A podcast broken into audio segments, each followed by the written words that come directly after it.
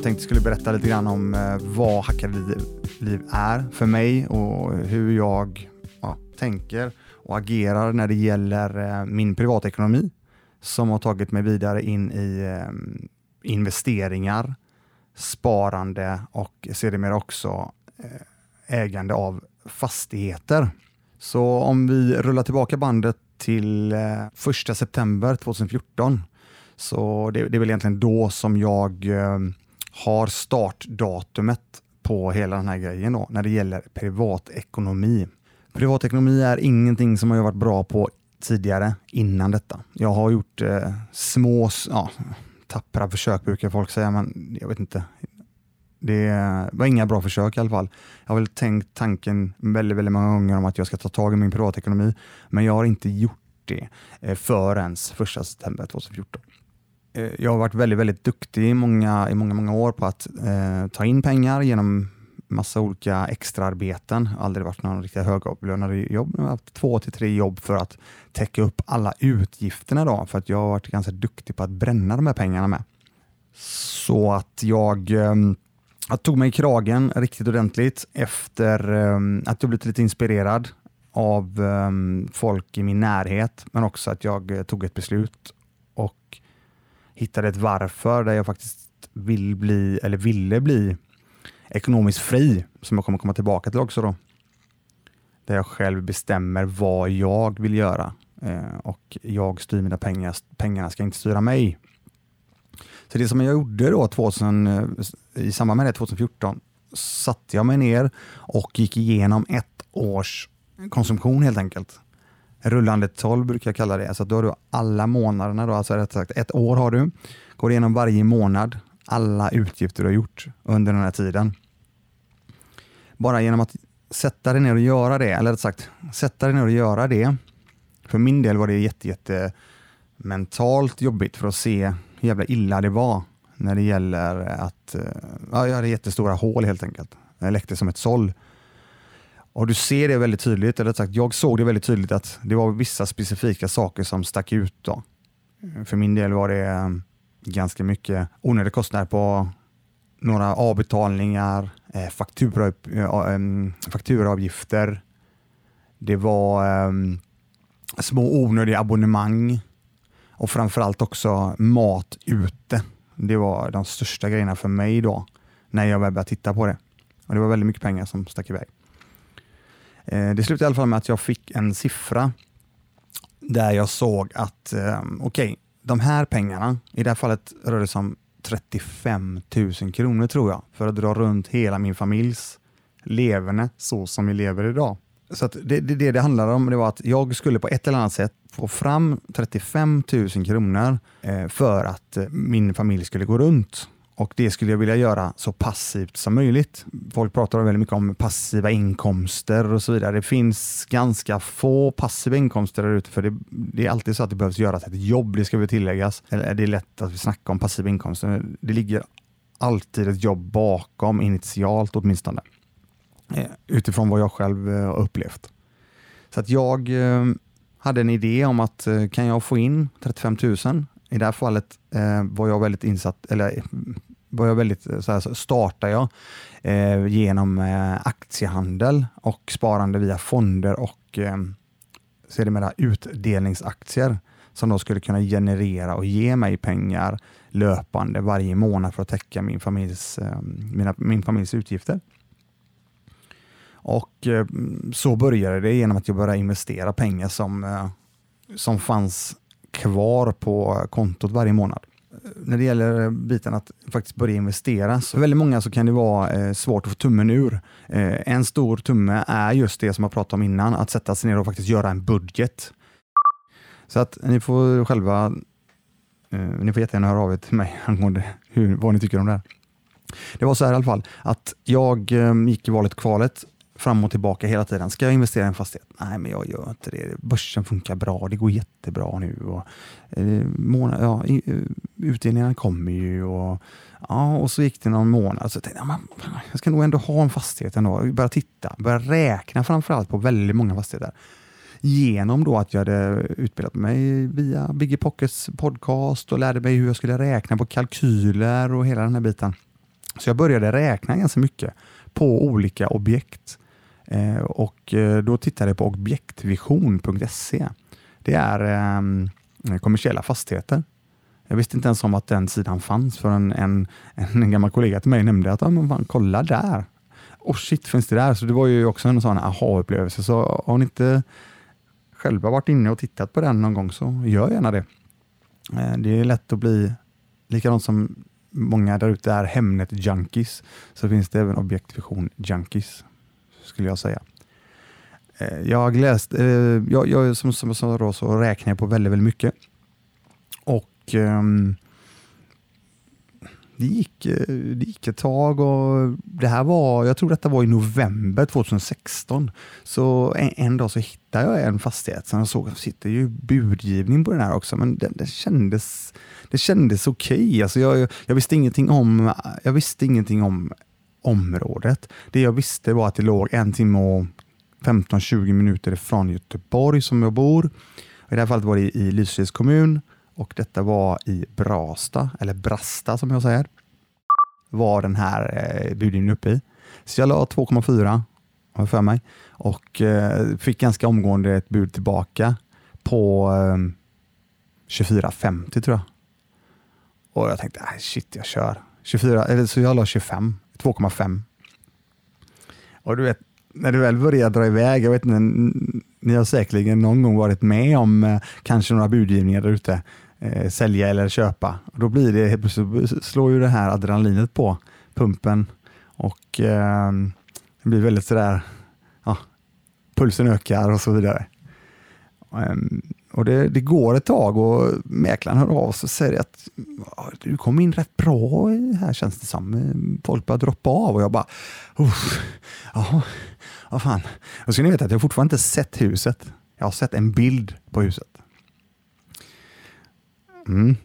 Och, ehm, och då kommer ytterligare bud på 25-25 eller sånt där tror jag det är och eh, riktigt fin eh, ja, marmorerad trappa, riktigt så marmor. Och, ja, riktigt, så som en svale ska se ut. Så det kändes väldigt, väldigt behagligt och skönt.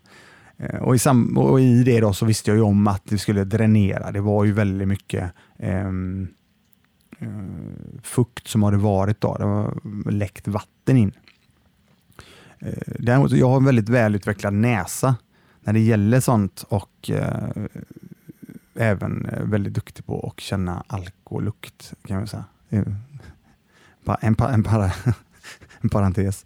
I alla fall så är det så att um, jag känner i källaren att jag känner ingen direkt lukt, alltså fuktlukt. Jag ser ju såklart att det har varit väldigt mycket vatten där nere. Ehm, det är inte så att vi investerar i en fastighet och så sätter vi oss ner och så rullar vi tummarna. De säger så här, ah, men jag har några fastigheter. Ja, du har fastigheter. Ja, ja, det går bra då. Ja, men vadå? Alltså, det är inte så att du sitter ner där, fan vad gött, nu tjänar jag pengar. Det är inte så det är. Det är väldigt, väldigt hårt jobb. Det är verkligen det. Det är mycket jobb, hålla koll på, hålla koll på allting. Och du jobbar med människor, framförallt hyresgäster. Det finns eh, alla olika möjliga människor där ute. Eh, och tillbaka då till vad som faktiskt kan hända, det är att när dräneringen görs så märker killarna i slutet, ska jag säga, så, så, eh, att um, ett vattenrör ifrån kommunen är det, är, står och pissar vatten. Som, som vi sa du och jag innan här, att det är väldigt lätt att det rinner iväg. Och mm. helt plötsligt så står du där. Och låt säga nu att är det nu så att du använder dig av kreditkort mm. så ska du alltid, alltid betala den räkningen i tid. Menar du att, man inte ska, att det är lätt att hamna över sina tillgångar med kreditkort? Absolut, det är det ja. första. Mm. Sen är det andra som vissa kan ha utmaningar med, med. det är mm. att de inte betalar sin kreditkortsräkning i tid. Och Det är där kreditkortsbolagen, bankerna, mm. eh, faktiskt gör sina pengar. Och det är okay. då de här re tokiga räntorna yeah. blir på nästa räkning och nästa räkning. Och, så. och Då ligger du helt plötsligt back och så får du jobba i uppförsbacke hela tiden. Ja, så att, ja, med det sagt så, mm, så finns det väldigt, väldigt många bra saker med kreditkort. Mm. Det finns otroligt många bra saker. För min del, jag, jag talar från vad jag själv upplever. Jag upplever att jag har ett helt annat eh, tänk och, och, och sätt att använda mitt kassaflöde. Jag har hela tiden koll på, eftersom jag ser i appen appen då till exempel, exakt vad jag handlar. Jag ser vad den nästkommande fakturan ska bli och allting. Så att den hjälper mig i mitt kassaflöde varje månad, så jag vet precis vad som saker som ska gå ut.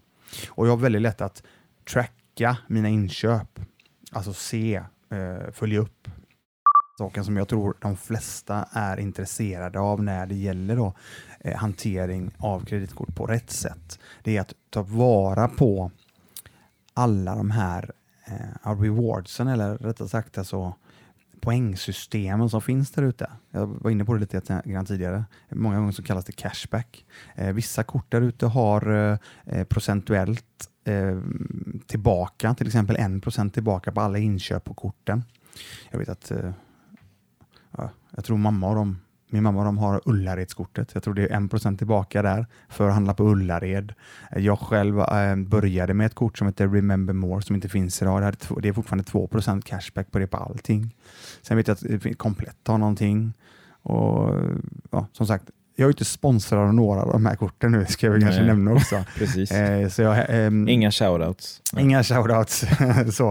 Eh, det, som är, det som jag jobbar eh, med eh, oavkortat med när det gäller eh, kreditkorten, det är idag SAS Eurobonus. För jag eh, tycker det är fantastiskt eh, kul att resa och eh, jag vill har jag möjligheten så vill jag jättegärna resa så skönt och gött som möjligt. Och eh, Jag kommer ihåg eh, innan jag började med de korten så har jag alltid tänkt att eh, när jag går förbi first class och business class in i ett plan så har jag alltid tänkt att någon gång ska jag resa business class eller first class. Eller, jag, vet ja, inte, ja, ja. jag tror säkert det de flesta har tänkt så någon gång. Och ehm, den första resan eh, i business class eh, genom då SAS Eurobonus och kreditkortsanvändningen var ju då till eh, förra året, förra sommaren var det. Okay. åkte vi till eh, New York tur och retur, eh, business class. Mm. Och sen därefter Curaçao eh, i elva nätter. Och jag hade fem nätter i New York. En av nätterna i New York var betald av poäng 11 nätter var betalda i Curaçao och poäng och hela business class-resan tur och retur New York var betald med poäng. Fan, jag måste ju börja med det här. ja, men det är ju det som är, men hur gör du? Jo. Ja, eh, däremot så sa jag också innan att jag använder mig av ett Mastercard och det är SAS Mastercard Premium använder jag mig av. Och då frågar jag, men varför ska jag ha två kort? Ja. ja. Jo, du ska ha två kort på grund av att du vill ju kunna samla poäng jämt när du handlar. Mm. Låt säga att stället inte tar Amex. Mm. Ja, då tar du ditt Mastercard. Varför då ha ett Amex? Kan man inte bara köra Mastercard? Mm. Och, det, och det kommer jag till nu då. Yeah. Amex-kortet yeah. så har du för att de frontar med något som heter two for one. Okay. Och Det är det du vill ha. Det är okay. därför det kortet är så starkt. Fattar. På grund av, har du till exempel på ditt American Express eh, Premium, SAS, eh, SAS eh, American Express Premium, mm. Använder du det och spenderar 150 000 kronor mm. på ett år, mm. då får du en voucher av dem som, som heter 2 for 1. Så att då blir dina poäng dubbelt så mycket värde egentligen. Så du reser... Efter 150 000? Exakt, 150 000 kronors spenderande. Ja. ja. det är den du vill ha. Den vouchern är värd hur mycket som helst. Därför vill du ha Amex-kortet, skulle jag säga. Mm. Sen finns det lite andra saker med Amex också, men den specifika grejen tycker jag, eller den viktiga grejen, är just den vouchern. Mm. För det blir väldigt, väldigt starkt. Och sen då täcker du upp med ditt Mastercard. Okej? Okay? När, när jag inte kan använda Amex? Exakt, ja. för då, då samlar du alltid poäng. För din mamma i allt detta är ditt SAS Eurobonus-nummer. Och de här två korten är kopplade till det. Okay. Så oavsett vad du, vilket kort du än handlar på så får du de här poängen. Jag har ju även gjort, den här, jag har gjort en guide, då, yeah. punktform. Jag tror det är 15-16 punkter där det förklarar väldigt, väldigt tydligt och, och, enkelt hur du faktiskt går tillväga för att dra igång det här. Var hittar jag den? Eh, nej men den, ja, jag skickar ut den på mail helt enkelt om det är någon som är intresserad. Mm. Bara kontakta oss på eh, de, eh, ja, Instagram helt enkelt. Ja. Och sen, det, den, det är en vanlig infoadress, info.hackadeliv.se. Mm. Och ehm, där står det eh, väldigt eh, tydligt hur du gör det. Vad betalar man för guiden? Nej, det är en, en smiley då. Ja, ja, men det är bra att veta att eh, folk Nej, nej, bara alltså kan höra är- av sig för att få en guide. Kost, det är ingen kostnad på det. Nej. Utan det är ju eh, såklart, är ni nöjda med det som eh, vi producerar och, delar med oss till er så är vi jättetacksamma för att ni promotar och Ja. berättar om det. Mm. Likadant som när jag gillar någonting så berättar jag om det. Precis.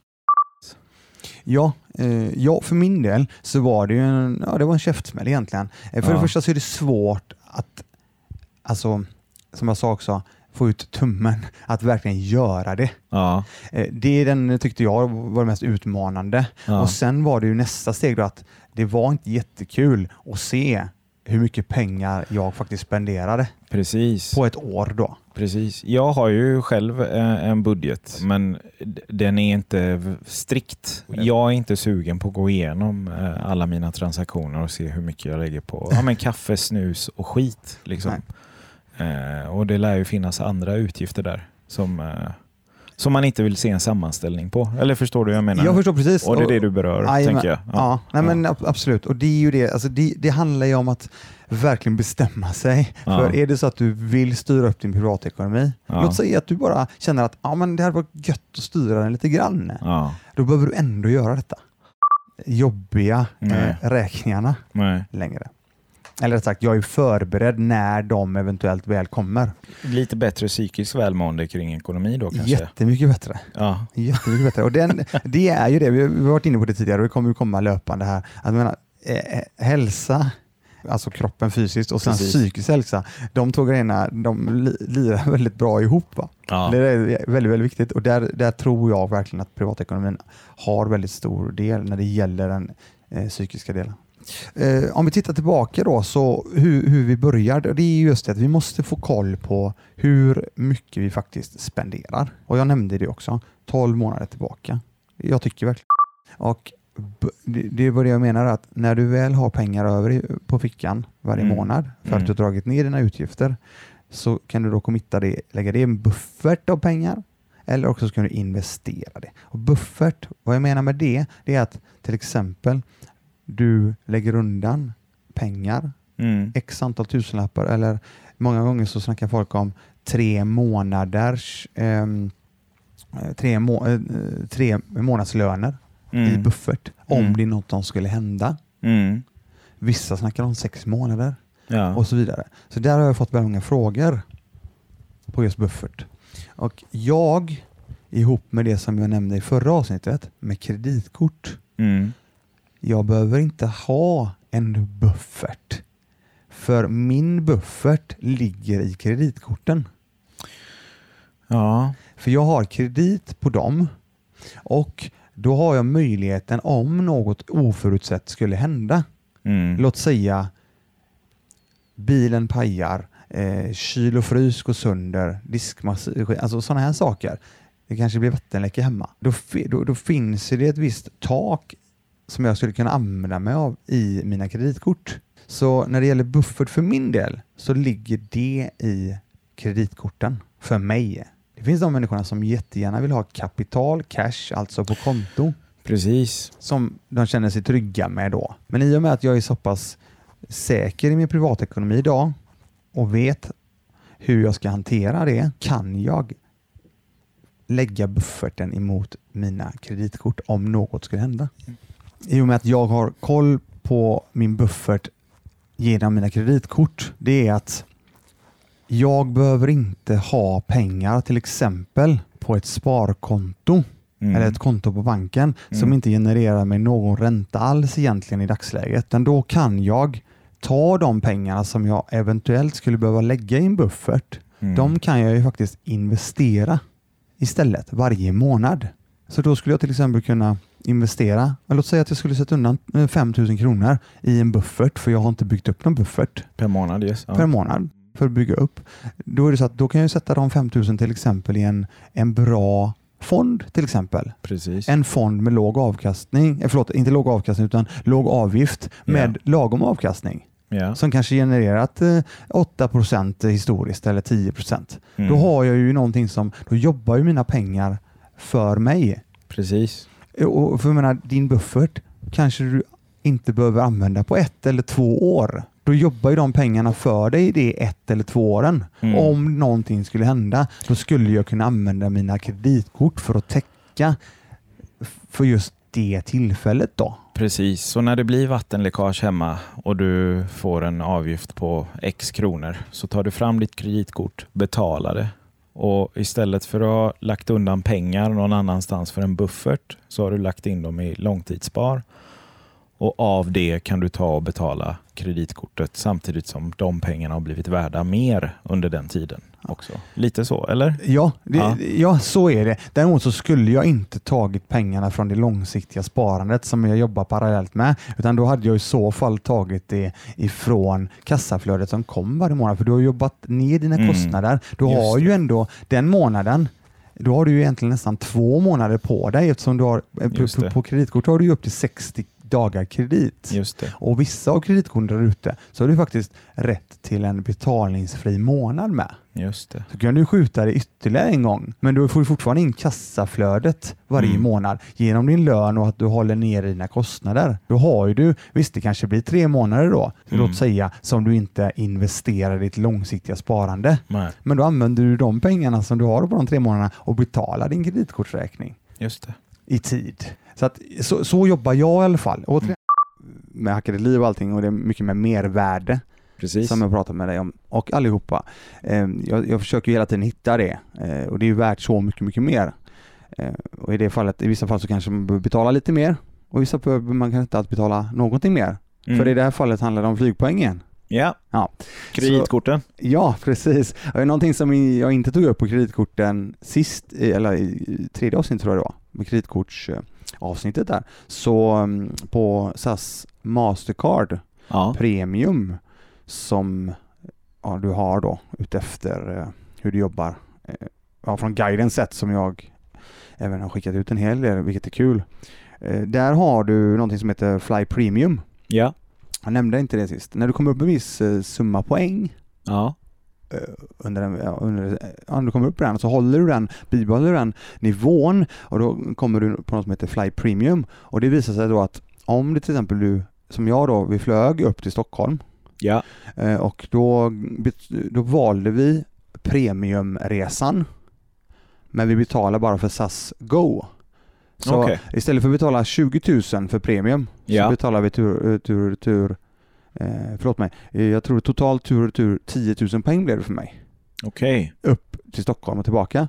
Men det som jag ville säga med mervärdet då, det är just det att i och med att du får premiumdelen på resan, då får du, ja, om du behöver ha mer extra bagage så får du det, men du får fast tracken och då kommer du förbi allihopa. Och Okej. jag kan säga så här, jag har inte rest upp till Stockholm på eh, en eftermiddag en fredag tidigare. Nej. Det var helt kaos på Landvetter. Det var sådana köer. Ja. Och så bara kom jag upp dit. Vänta nu här. Ja, fast track. Gick förbi allihopa. Ja. Inga före i säkerhetskontrollen, bara rätt in. Ja. Direkt efter det, massa folk på Landvetter. Gick direkt in på, på den goda loungen som också ingår då. Ja. Sätter oss där. Visst, det var mycket folk där, men du fick en sittplats. Fick lite att dricka och lite, lite snacks om du behövde det. Och direkt efter det så var det då priority boarding, för det var ju hur mycket folk som, som helst som skulle till Stockholm. Då gick vi förbi hela den kön och så rätt på och sitter i princip längst fram. Kommer av först.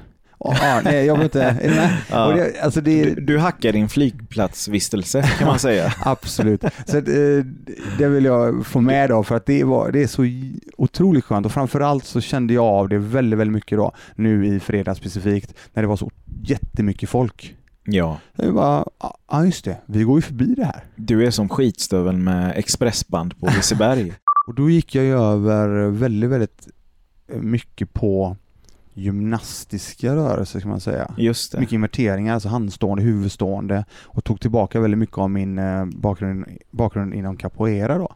Just som en det. brasiliansk kampsport som är väldigt mycket rörelsebaserat. Jag tycker det är värt att nämna också för de som inte vet. Det är ju som sagt en del som följer dig på Instagram och känner till det här sedan innan. Men du har ju alltid, så länge jag har känt dig nu i snart tio år eller vad det är, varit väldigt aktiv och sen, eh, och sen även långt innan. Du hade en period då du gymmade väldigt mycket. Det var lumpen sen ett tag va? Mm. Ja. Och efter det så var det egentligen rakt igenom kampsport. Ja, eh, kampsporten är ju från, jag skulle säga, den har alltid funnits med. Eh, Ja. Däremot så, men för min del, för seriös träning, kampsport, har varit sedan 00 skulle jag säga. Ja. Då började jag ju då med capoeira framförallt. Efter fem år, mycket capoeira, seriös capoeira, så kom det något som heter eh, ett, ett, ett dataspel, om några känner det, som heter Oh oh. World of Warcraft. Just det. Ja, det har nyligen släppts eh, exakt samma grej som kom 07 började jag väl spela det tror jag. Eh, och då gick jag all in på det i näst, ja, lite över två år. Definiera all in, Christian. Ja. Mm. Eh, nej, men grejen är så här. Jag hade ju vid den här tiden var mina barn rätt så unga. Mm. Numera är de utflugna. Så det var ju ett tag, ett tag sedan. Men eh, låt säga 2007, då är mina barn ehm, sju och nio år. Jag har en väldigt förstående fru, en jättesupporter hemma. Hon gav mig verkligen möjligheten att sitta och lira med mina kompisar.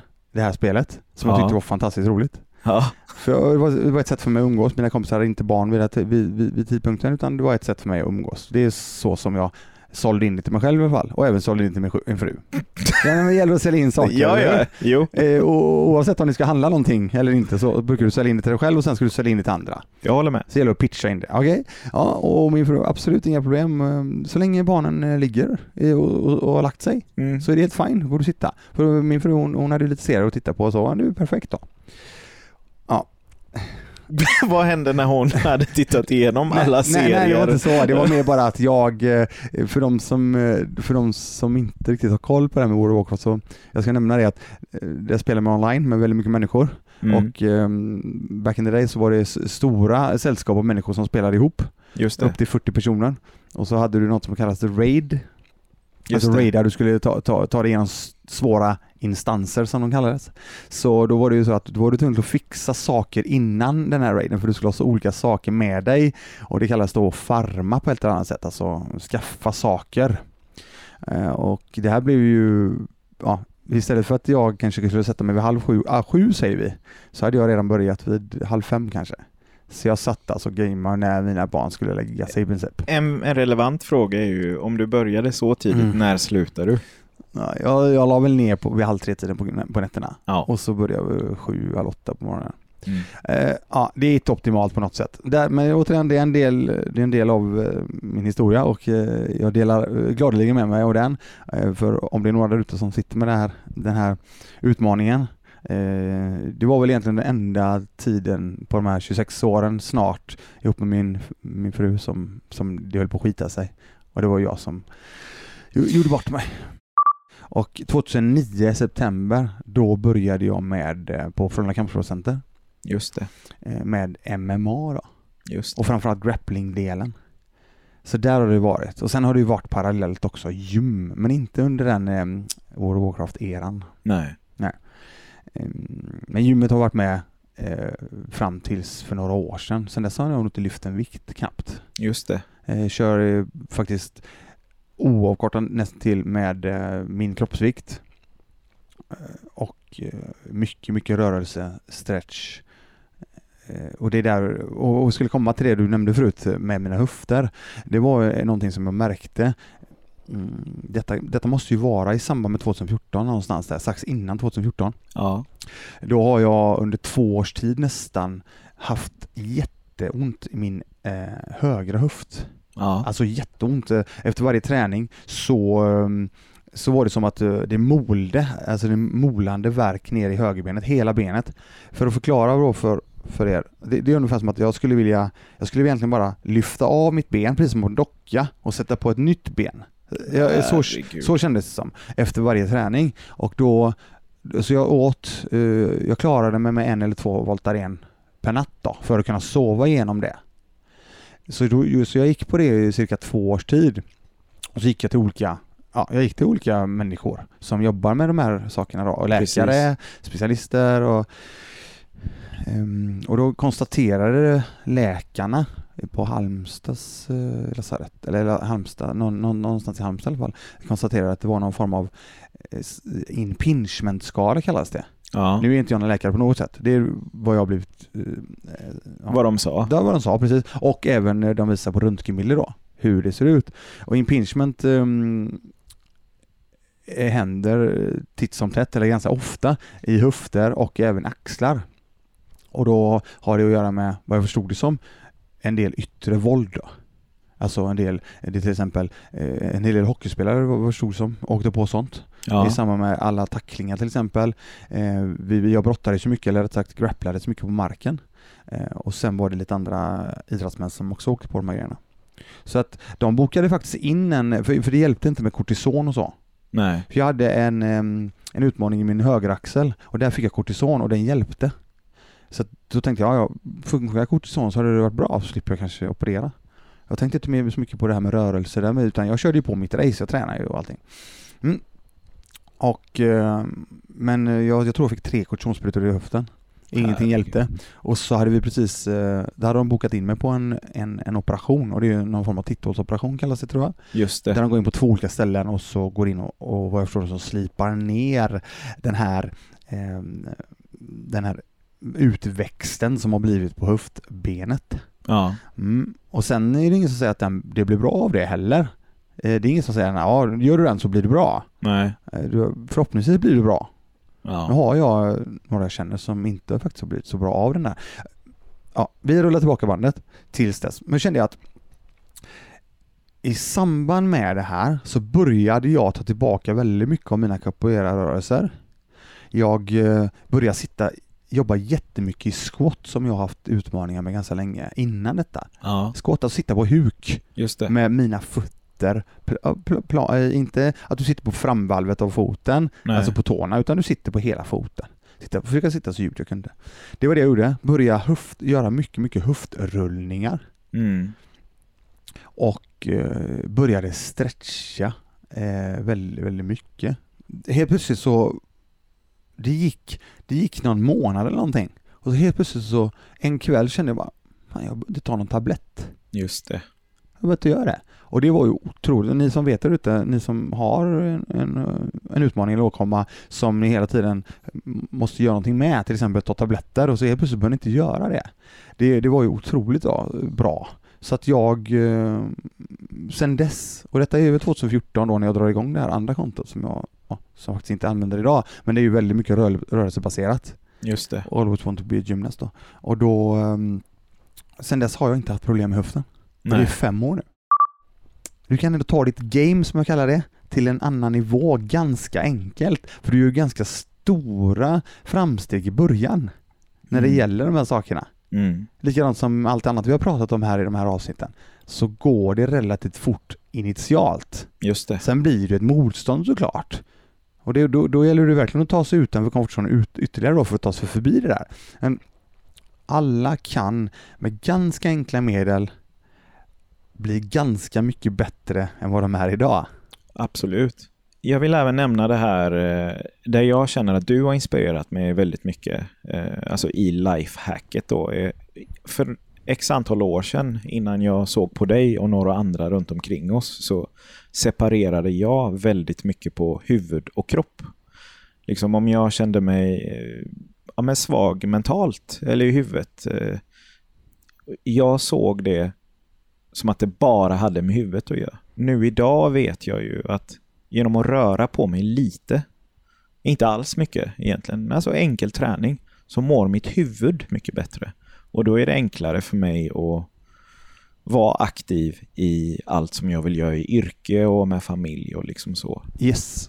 Nej, Och det är ju riktigt kul att höra. Jag menar, vi har ju känt varandra i x antal år nu. Verkligen. Och, nu, och, du har ju börjat ta det här med rörelse på... Ja, lite grann i alla Nej, fall. men på allvar. Alltså, Ja. du, nu har du börjat röra dig och du känner ju ganska omgående att shit, fan vad bra jag mår. Ja. Alltså det är ju helt fantastiskt. Men jag hade fel synsätt. Jag såg det verkligen som att träning tar energi.